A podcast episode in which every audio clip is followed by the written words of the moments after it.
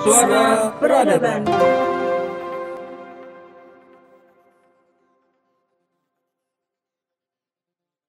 Suara Peradaban, balik lagi bareng Gazali dan Kindi di sini. Wih, Ya, akhirnya halo, masuk guys. season kedua guys. Yeay. Yeay, welcome to season 2 guys. Mantap. Tapi nih sebelum kita lanjut nih, kita harus menyapa dulu Pin, teman-teman kita nih para pendengar Suara Peradaban nih. Apa kabarnya nih teman-teman semua? Semoga di situasi yang belum kondusif ini kita masih dapat produktif nih dan selalu menjaga kesehatan ya. Ya bener banget teman-teman, semoga teman-teman semua selalu dalam keadaan yang sehat ya. Walaupun udah vaksin, tetap harus patuhi protokol kesehatan. Benar. Nah, di season kedua ini sangat-sangat spesial nih. Karena bakal ada episode-episode yang menarik nih. Di antaranya nih saat ini. Mungkin Nah. bisa dijelaskan Pindi? Kali ini kita kedatangan sosok yang sangat istimewa guys bagi Wah. kita semua. Penasaran nggak siapa sosok tersebut? Penasaran banget dong. Langsung saja kita panggil Bapak Didik Junaidi Rahmi. Selamat siang Bapak. Selamat datang Bapak. Assalamualaikum. Assalamualaikum warahmatullahi wabarakatuh. Apa kabarnya Bapak? Baik, ya. ini pakai posket ya. Jadi kita langsung saja. Eh, mungkin banyak nih warga para Madinah yang mungkin belum mengenal Bapak nih Pak. Mungkin Bapak bisa memperkenalkan diri nih Pak, latar belakang Bapak sampai akhirnya Bapak sekarang diberikan amanah gitu Pak menjadi rektor para Madinah. Saya tuh anak kampung ya. 10 tahun lalu Pamekasan namanya. Tapi masa kecil saya di Jember ya. Waktu SD ya. Terus setelah itu saya SMA SMP Pamekasan ya.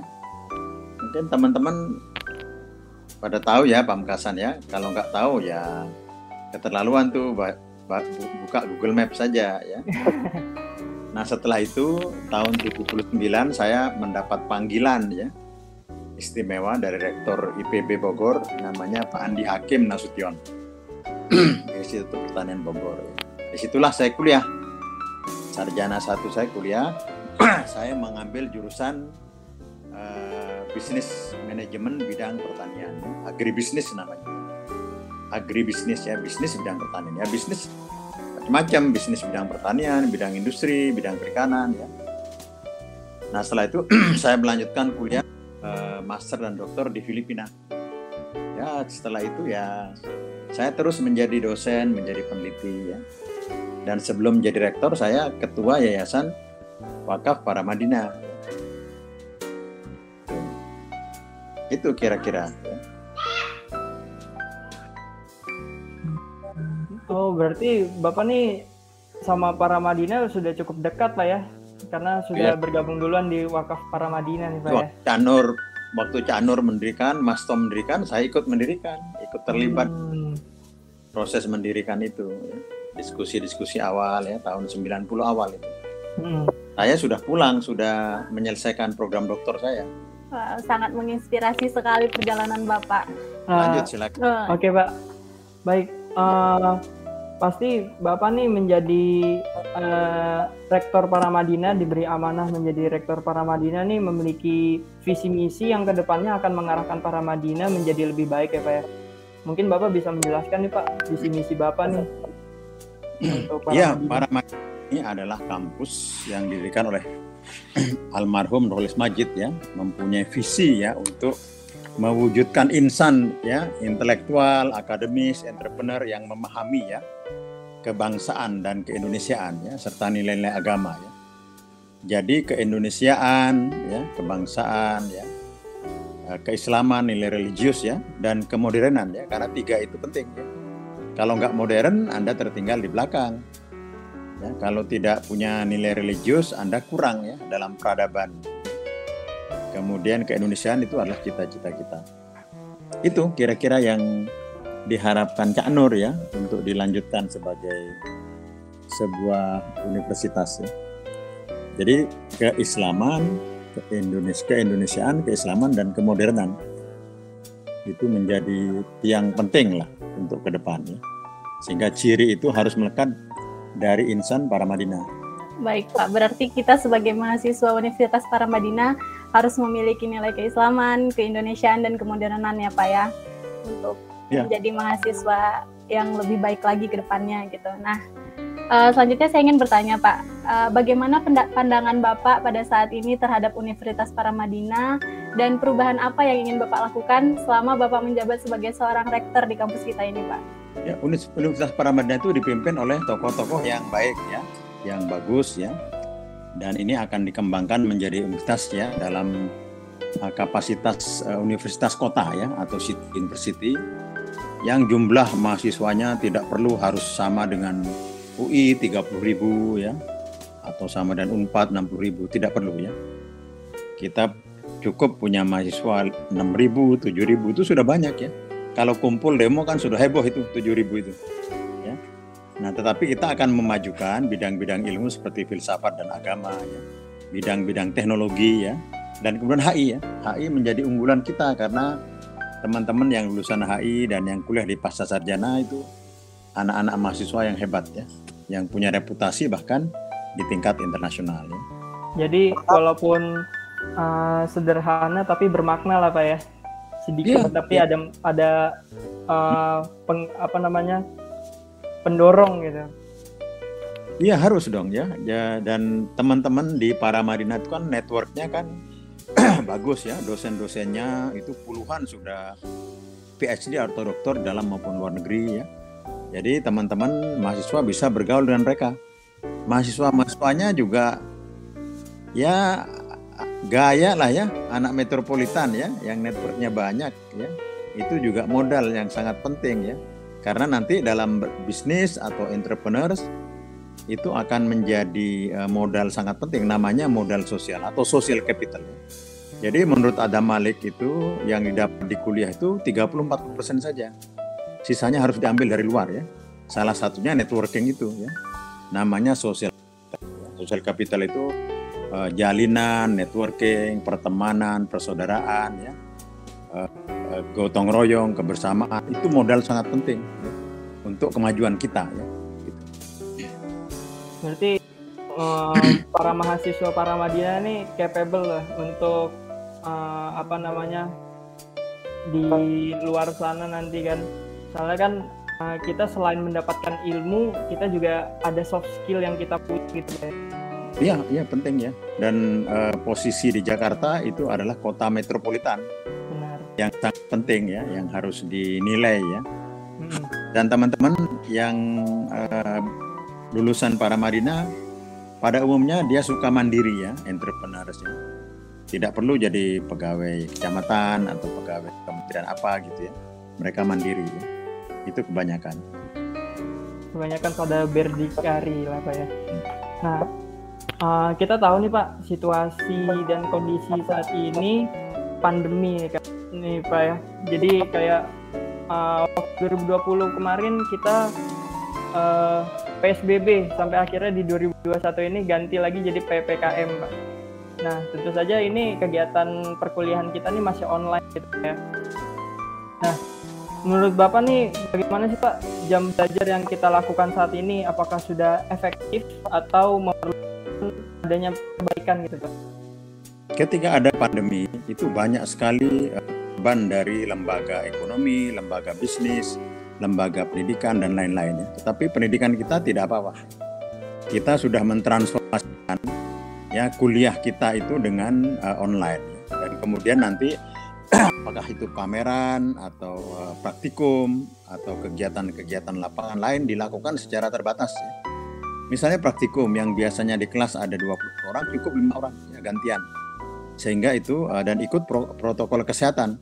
Kan makin lama tes antigennya makin murah ya. Apakah itu 50.000 ya begitu masuk bayar 50.000 ya. Jadi Gasali di apa dites kalau masuk praktikum ya. Kalau mukanya merah-merah pusing-pusing wah ini bahaya nih. Kena covid nih bisa menular. Nah, dites dulu ya. Kalau tes lolos sudah masuk ke praktikum. Gitu. Vindinya kok nggak ngomong nih? Ini saya baru mau nanya Pak. nah, selain tiga nilai tadi nih Pak, seperti yang keislaman, keindonesiaan, kemodernan, nah, menurut Bapak hal apa yang harus kita implementasikan lagi agar para Madinah bisa memiliki lulusan intelektual yang bermoral gitu Pak, selain tiga nilai yang tadi Pak? ikut itu saja ya. Jadi misalnya ya soft skill ya. Eh, dalam bidang soft skill kan nilai-nilai keagamaan, nilai-nilai sosial, nilai-nilai intrinsik ya dari diri kita itu harus terwujud sehingga orang ketika berkomunikasi merasa uh, uh, merasa sebagai teman ya dan banyak network itu merupakan kunci keberhasilan itu satu. Itu adalah keislaman keilahian kerohanian ya. Itu bagian dari soft skill ya. Kemudian kemodernan ya. Kemodernan ya itu sangat penting. Di HI skill bahasa itu paling penting ya. Jadi kalau Vindi bahasa Indonesia bahasa Inggrisnya bagus, bahasa Indonesianya bagus, itu adalah ukuran inteligensia ya. Dapat berapa Vindi? Dapat A atau dapat C ini bahasa Inggrisnya? Uh, amin Pak. Amin ya ya. Kalau untuk itu mencerapkan inteligensia itu hard skill juga gabung sama soft skill ya. Kemudian kemodernan dalam bidang IT ya. Nah IT ini kita akan dorong sehingga riset itu berbasis IT ya. Jadi ke, ke Indonesiaan karena kita berbasis di Indonesia, kemudian kemodernan itu kita uh, apa meng catch up terhadap uh, apa namanya keahlian-keahlian modern ya yang bergerak begitu cepat. Dan kita punya basis basis-basis uh, uh, psikologi diri ya nilai-nilai diri ya kemudian nilai-nilai keagamaan itu penting. Itu dari dari situ saja dan itu semua terkait dengan uh, kuliah hard skill maupun soft skill yang kita jalankan Berarti yang tiga, tiga nilai tadi itu udah cukup untuk menjadi pegangan kita untuk ke depannya berarti ya Pak ya, ya sebagai dalam arti sebagai payung. Hmm, sebagai payung. ya sebagai payung. Nah di bawahnya itu harus ada keterampilan-keterampilan keahlian yang basisnya modern. Nah modern tidak tidak berarti yang apa yang misalnya tradisional itu uh, tidak baik ya misalnya tari to tari topeng ya di, di apa di dikemas dengan gabungan dengan modern itu akan indah sekali ya, dengan inovasi-inovasi baru. Baik Bapak. Nah, uh, sebelumnya kan kita sempat menyinggung tentang uh, hard skill dan soft skill ya Pak ya. Hmm. Nah, terus sama nilai-nilai keparamadinaan. Hmm. Lalu uh, apa ya tadi? Lupa ya tanya ya. Kemodernan. iya, kemodernan, keindonesiaan, keislaman. Nah, itu kan menjadi apa ya? Uh, faktor kita untuk menjadi manusia yang beradab gitu pak ya. Nah di zaman sekarang ini yang uh, teknologi semakin maju seperti sekarang ini kita online gitu kan itu gimana sih pak menanggapi agar kita tidak ketinggalan zaman walaupun kita mengikuti nilai-nilai ini pak Enggak, uh, tidak apa-apa. Nilai-nilai apa nilai-nilai peradaban kita ya nilai-nilai keindonesiaan ya. Kalau di Jepang tuh nilai-nilai kejepangan ya. Dengan tradisinya yang kuat tapi kan Jepang jadi negara modern nggak apa-apa. Jadi gedung-gedungnya yang mencakar langit teknologinya yang tinggi tapi mereka berpijak pada kejepangannya masing-masing ya. Indonesia juga harus begitu. Nggak bisa kita mencabut diri dari akar kita ya. Kalau boleh saya kritik ada satu bangsa yang bisnisnya seperti Cina yang identitas politiknya seperti Amerika. Identitas budayanya seperti Spanyol ya jadi nggak punya identitas dia. Jadi kalau berbisnis gaya bisnis Cina kalau politik niru-niru Amerika. Ya. Uh, kalau berbudaya niru-niru Spanyol ya jadi dia tidak punya identitas, ya. dia bingung. Ya.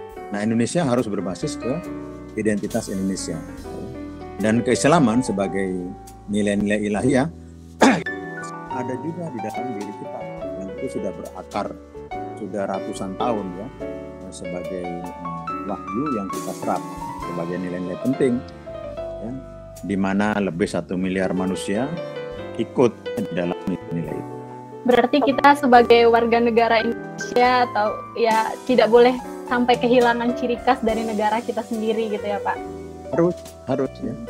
Kalian harus munculkan misalkan kalian pameran di luar negeri, identitas Indonesia kan banyak ya nggak? Apakah lukisan Borobudur, apakah uh, alam Labuan Bajo, alam Papua atau gamelan Jawa ya itu semua uh, apa namanya budaya-budaya daerah itu adalah puncak-puncak dari kebudayaan nasional yang membentuk satu kesatuan yang indah sekali karena keragamannya. Karena itu kita bineka tunggal ika. Nah, uh, berbicara ter terkait hal ini Pak tentang ciri khas dan segala macam, saya jadi ingat satu cerita nih Pak, di mana saya pernah ditanyai uh, tentang saya kuliah di mana gitu. Kayak ditanya kamu kuliahnya di mana, lalu saya jawab di, univers di Universitas Paramadina. Terus balik lagi ditanya, ah emang Universitas Paramadina itu ada gitu? Universitas Paramadina itu di mana gitu? Nah, kalau menurut Bapak bagaimana Pak pandangannya terhadap itu? Itu, itu Cooper itu orang yang tanya itu. ya, ya filosof-filosof uh, apa ahli-ahli luar negeri tahu di mana Paramadina. Tokoh-tokohnya Nurholis Majid, siapa yang lain-lain kan Yudi Latif dulu bekas wakil rektor ya, Tomo Dananjaya, Yusuf Kala ketua yayasan, Anies Baswedan ya, Bima Arya itu banyak. Kalau dia nggak tahu berarti dia kuper ya. Jadi jangan bergaul sama orang kuper itu, hindari saja. Gitu. Apalagi kita ingin menjadi manusia yang maju ya, Pak ya. dia nggak pernah baca koran, nggak pernah baca news gitu. Kamu buka, eh, kamu googling news ya, eh, para Madinah Rahbini itu ribuan itu akan keluar. Para Banyak yang muncul gitu, Pak ya. Itu ratusan ribu. Ya yang keluar ya enggak hmm. nah bapak ini kan uh, sekarang didapuk untuk menjadi rektor Universitas Paramadina pak tentunya bapak memiliki rencana untuk lima tahun atau 10 tahun ke depan gitu pak itu kira-kira apa tuh pak ya kita akan memperluas ya uh, skala ya kegiatan kampus mahasiswa dosen itu dalam skala yang lebih besar dari yang sekarang. Mengapa? Karena besar itu indah ya. Dulu ada istilah kecil itu indah. Sekarang besar juga indah ya. Dan besar juga powerful. Jadi sekarang sebagai contoh, sekarang baru separuh jalan pendaftaran ya. Sudah 1100 ini hampir 1100 banyak. Dulu masih ratusan ya ketika awal-awal sekarang sudah ribuan yang mendaftar. Apa artinya? Itu banyak diminati oleh uh, mahasiswa-mahasiswa, calon-calon mahasiswa. ya kalau kamu lihat Coca-Cola banyak yang beli kan bagus. Kalau nggak banyak yang beli kan bangkrut kan begitu. Nah sekarang sudah ribuan itu akan kita tingkatkan lagi dengan PR ya, dengan marketing yang bagus ya, dengan pengenalan ya. Walaupun satu orang tadi yang disebut Vindi itu Cooper ya nggak apa-apa dia gitu. Hmm. Tapi ini dikenal sebagai sebuah kampus uh, yang kecil tidak besar sih dibandingkan dengan 60 ribu ya itu uh, menyari nyari duit itu ya gitu. Nah, tadi uh, Bapak sempat nah. menyinggung tentang ini Pak pengembangan ya Pak ya, pengembangan untuk mahasiswa, universitas, dosen-dosen dan sebagainya lah Pak. Uh, mungkin kami ingin memberikan keluh kesah kami mungkin Pak sedikit keluh kesah kami. Iya silakan, silakan, silakan. Boleh ya kan Pak ya. Ayo ayo silakan ayo. Apa silakan. Mungkin nanti Bapak bisa juga apa ya, uh, ya. lihat ke website kami juga pak. Hmm, Oke. Okay. Kalau kesah kami juga ada di situ. ya, ya kirim Mungkin salah, salah satunya untuk website atau apa ya namanya ya? Pengisian ya, KRS gitu ya. Pengisian KRS lain-lain mungkin itu juga ikut dikembangkan pak. Soalnya itu mungkin menjadi salah satu apa ya apa telat apa tepat apa telat atau ininya uh, servernya down pak kalau seandainya iya. banyak yang akses gitu langsung oh. kayak uh, jadi kayak semuanya susah gitu kayak nggak okay, bisa pak. diakses kita harus nunggu berjam-jam baru bisa ngisi KRS kita pak oke okay, oke okay, baik saya kan benar baik ini masukan yang bagus penting feedback itu penting bagi organisasi modern itu feedback sangat penting ya karena itu kita komit dengan kemodernan kan Benar. Tapi keindonesiaan, keislaman, kemodernan, ya. organisasi modern, feedback itu sangat penting. Kalau dikasih feedback jangan marah, malah berterima kasih. Harus berterima kasih. Ya kepada Vindi terima kasih, tapi harus banyak pertanyaannya. Jangan Siapa? Nah, mungkin tadi kita sudah mendengar uh, rencana Bapak 5 atau 10 tahun ke depan nih Pak. Nah, mungkin biar orang-orang yang mungkin belum tahu para Madinah ini Pak biar nggak kuper juga nih Pak eh, apa rencana Bapak nih agar para Medina lebih dikenal dan diketahui oleh banyak orang nih Pak? Supaya pengembangan eh, para Madinah kan juga lebih eh, targetnya mencapai gitu Pak. Dosen-dosen para Madinah itu di media, di TV, di publik lebih dikenal dari kampus-kampus besar. Ya, coba lihat. ya. Itu dalam konteks hanya sederhana supaya para Madinah diketahui. Ya, kalau tahu eh, bahwa eh, Pak Didik Rahbini adalah rektor Pramadina, kemudian ada diskusi di TV puluhan ratusan kali, itu kan sama saja dengan mengenal para Madinah. Dosen-dosen itu sangat banyak yang dikenal ya. Mulai dari Bima Arya, sekarang wali kota, Wijayanto, Anies Baswedan, Putut, Wijayanto, ya enggak? Abdul Hadi WM, penyair ya. Eh, mahasiswanya juga banyak seniman sama artis kan. Selebritis juga banyak ya. Eh, Tokoh-tokoh politik banyak ya. Birokrat banyak ya. Jadi eh, Eh, jadi eh, para Madinah itu eh, small but giants ya. Kecil tapi giant karena powerful. Pendapat-pendapatnya di media didengarkan. Kecil-kecil cabai rawit lah Pak ya. Nah, Pak, eh, untuk mahasiswanya sendiri nih, Pak, eh, apa rencana Bapak untuk membuat mahasiswa itu lebih tertarik lagi untuk aktif mengikuti kegiatan kampus dan segala macam gitu, Pak, supaya nggak kupu-kupu gitu, Pak, kuliah pulang, kuliah pulang, tapi juga ikut aktif dalam berorganisasi dan segala macamnya gitu, Pak. Enggak, saya tidak akan jawab. Kalian tentukan sendiri apa maunya. Oke. Saya akan dorong baru. Bukan Oh. saya menentukan. Kalian Berarti itu tergantung pilihan Kalian- mahasiswanya sendiri ya, Pak, mau aktif sendiri atau enggak gitu. ya. Saya tidak punya rencana apa-apa terhadap mahasiswa. Kalian mau apa kita dorong. ya. Dan itu guys. sumber sumber kekuatannya ada di, di diri Anda sendiri. Hmm. Jadi kalau didorong-dorong, disuap-suap, malah tergantung, ya. malah tidak mandiri, malah kerdil ya. Gitu. Hmm. Jadi eh, anak-anak ya Obama itu sejak kecil sudah pisah dengan orang tua, dia mandiri dan dia punya mentalitas yang hebat jadi presiden. Jadi saya tidak mau nyuapin mahasiswa nggak mau. Mahasiswa maunya apa kita dorong. Kalau Berarti nanti eh, apa pun kegiatan mahasiswa yang sifatnya positif dan akan membangun gitu, Pasti. Bapak bakalan tetap dukung 100% gitu ya, Pak. pasti dong. Mungkin ini pertanyaan terakhir nih Pak buat Bapak nih. Tadi kan eh, kita menanyakan harapan Bapak eh, untuk para Madinah nih. Nah, sekarang nih harapan eh, Bapak untuk mahasiswa-mahasiswa nih, baik yang eh, mahasiswa baru atau mahasiswa lama nih Pak. Eh, saya izin menambahkan mungkin harapan dan pesan Bapak nih untuk mahasiswa baru yang akan berkuliah di Universitas Paramadina nantinya dan juga mahasiswa yang sedang menjalankan perkuliahan saat ini. Jadi saya lihat mahasiswa saya ini punya saya ini kan lulusan IPB. Anak IPB itu dulu diambil yang pinter-pinter ya, di kelas ya. Tapi banyak kuper ya. Yang jadi entrepreneur tidak banyak karena dari kampung ya. Yang banyak jadi entrepreneur itu dari UI, dari ITB ya, dari kota-kota. Nah, para Madinah ini anak metropolitan. Anak metropolitan itu punya sesuatu yang lebih ya dari eh, anak-anak yang eh, di luar di daerah. Kenapa aksesnya terhadap pengetahuan, akses terhadap buku, akses pada internet, akses pada wifi, dan networking dengan orang pinter ya orang pinter kumpulnya di sini semua ya. Kalau kalian nyari ribuan profesor banyak di Jakarta, tapi di daerah itu satu dua tiga nggak ada.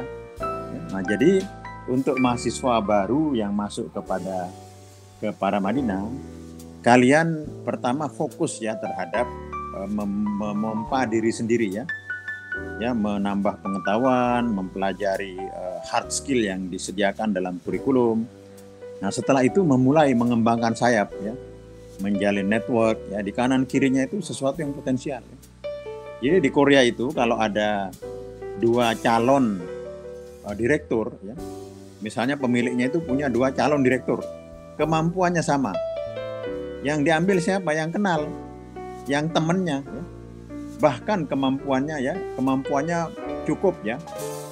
Itu tinggal, tinggal dua itu. Kemudian temannya itu ada sedikit saja di bawah kemampuan eh, satunya ya yang diambil temannya. Mengapa? Karena ada trust ada kepercayaan. Chemistry bisa jalan gitu ya. Nah di Jakarta ini kota metropolitan eh, saudara-saudara kuliah di apa eh, di kota besar ya dan itu diperlukan ya perluasan pergaulan dan sebagainya. Kemudian teman-teman yang sedang kuliah, terutama juga di pasca sarjana, banyak sekali ya eh, mahasiswa pasca sarjana yang dia sudah menempati posisi tertentu. Ya. Bukan lagi mahasiswa yang umurnya 20-an, tetapi sudah 30-an, 40-an. Ya. Mereka sudah mapan tetapi terus belajar sampai ya kan eh, dalam agama itu belajar dari ayunan sampai liang lahat. Nah, mereka terus belajar. Mereka adalah orang-orang yang pintar dan punya kemampuan tinggi ya. Dia aja ya. Apa antara mahasiswa pasca dengan mahasiswa uh, uh, sarjana itu harus uh, bergabung ya. Saling punya kegiatan bersama. Sekarang pisah itu kayak air dengan minyak ya. Jadi Vindi itu nggak pernah kenal anak-anak pascanya ya. Kenal nggak? Pernah kegiatan bersama nggak Vindi dengan anak-anak pasca HI Hmm, belum sih Pak. Ya belum, berarti kan kuper kamu. Kamu kuper juga. Nah. eh tapi di beberapa kegiatan ada kalau misalnya Mereka sebagai ada. ini. orang-orang yang hebat. Ya. Jadi uh, ikatan alumni itu penting. Ya. Jadi anak-anak ITB, anak-anak UI atau anak-anak lulusan Inggris mereka nggak nggak perlu melamar kalau datang. Oh ya kamu di sini. Nah sementara kalau kita tidak punya pergaulan itu membuat lamaran itu sampai 30 ya dua lusin 30 ya. Nah itu di, diperlukan. Yang yang tadi disebut agak sali ya soft skill itu sangat penting. Jadi itu pesan saya ya sehingga kalian manfaatkan dan sekarang ada hambatan ya, yaitu namanya covid. Hmm. jadi Tuh guys, ya, da- jadi hambatan ini justru harus menjadi peluang bagi saudara-saudara sekalian bagi mahasiswa ya. Jadi eh, entrepreneur itu menjadikan hambatan itu jadi peluang saya mau cerita, ada seorang entrepreneur dari Filipina ya, pada tahun 70-an, datang ke Vietnam, mau, mau ngapain ke Vietnam, mau bisnis. Di Vietnam itu dardor dardor, tentara Amerika ngebomin macam-macam ya. ya. Kalian masih belum ada tahun 70-an itu ya. Ngapain bisnis ke sana ya ke Amerika? Kamu mati nanti kena. Enggak, saya mau bisnis keranda mayat, apa mau, mau bisnis peti mati ya. Jadi dalam keadaan perang pun dia bisa bisnis, apalagi dalam keadaan normal. Nah, sekarang dalam keadaan COVID begini, ya kalian harus mampu mempunyai keterampilan keahlian, apakah itu IT, apakah itu big data atau data science atau apa pun ya, mentransformasikan kemampuan bisnis kalian ke dalam bidang IT. Kalau dulu marketing dengan datang satu persatu ya SPG, sekarang nggak perlu, saya kan dan online dulu kalau saudara riset datang satu-satu kampung-kampung sekarang nggak perlu. Sekarang pakai Google ya. Pakai Google apa itu namanya ya. Uh, dikirim ya uh, uh, wawancaranya itu ya. itu kira-kira pesan saya Vindi sama Gasali ya. Kalian dengan membuat acara ini ini sudah bagian dari mengembangkan network ya. Jadi saya Pak Didi sudah kenal dengan Gasali ini dengan Vindi. Kalau kalian punya kemampuan riset bikin proposal wah dengan saya itu nanti itu ya itu ya saya kira ya, Ya. bagus Ya, Pak. Pak. tuh guys, pesan dari Pak Didik tuh agar selain mengembangkan hard skill, kita juga wajib mengembangkan soft skill tuh. Terus juga jangan jadi kupu-kupu, harus aktif guys. Jangan tenang lupa aja. juga tanamkan tiga nilai keislaman, kemodernan, dan keindonesiaan guys. Bener banget. Itu jadi pegangan yang sangat penting untuk kita ke depannya. agar menjadi lulusan para Madinah yang intelektual dan bermoral. Itu ada ada cucu saya dia punya dua ikan. Dia bilang that's a thin guy ya that's the big guy ya. ikannya dipanggil guy.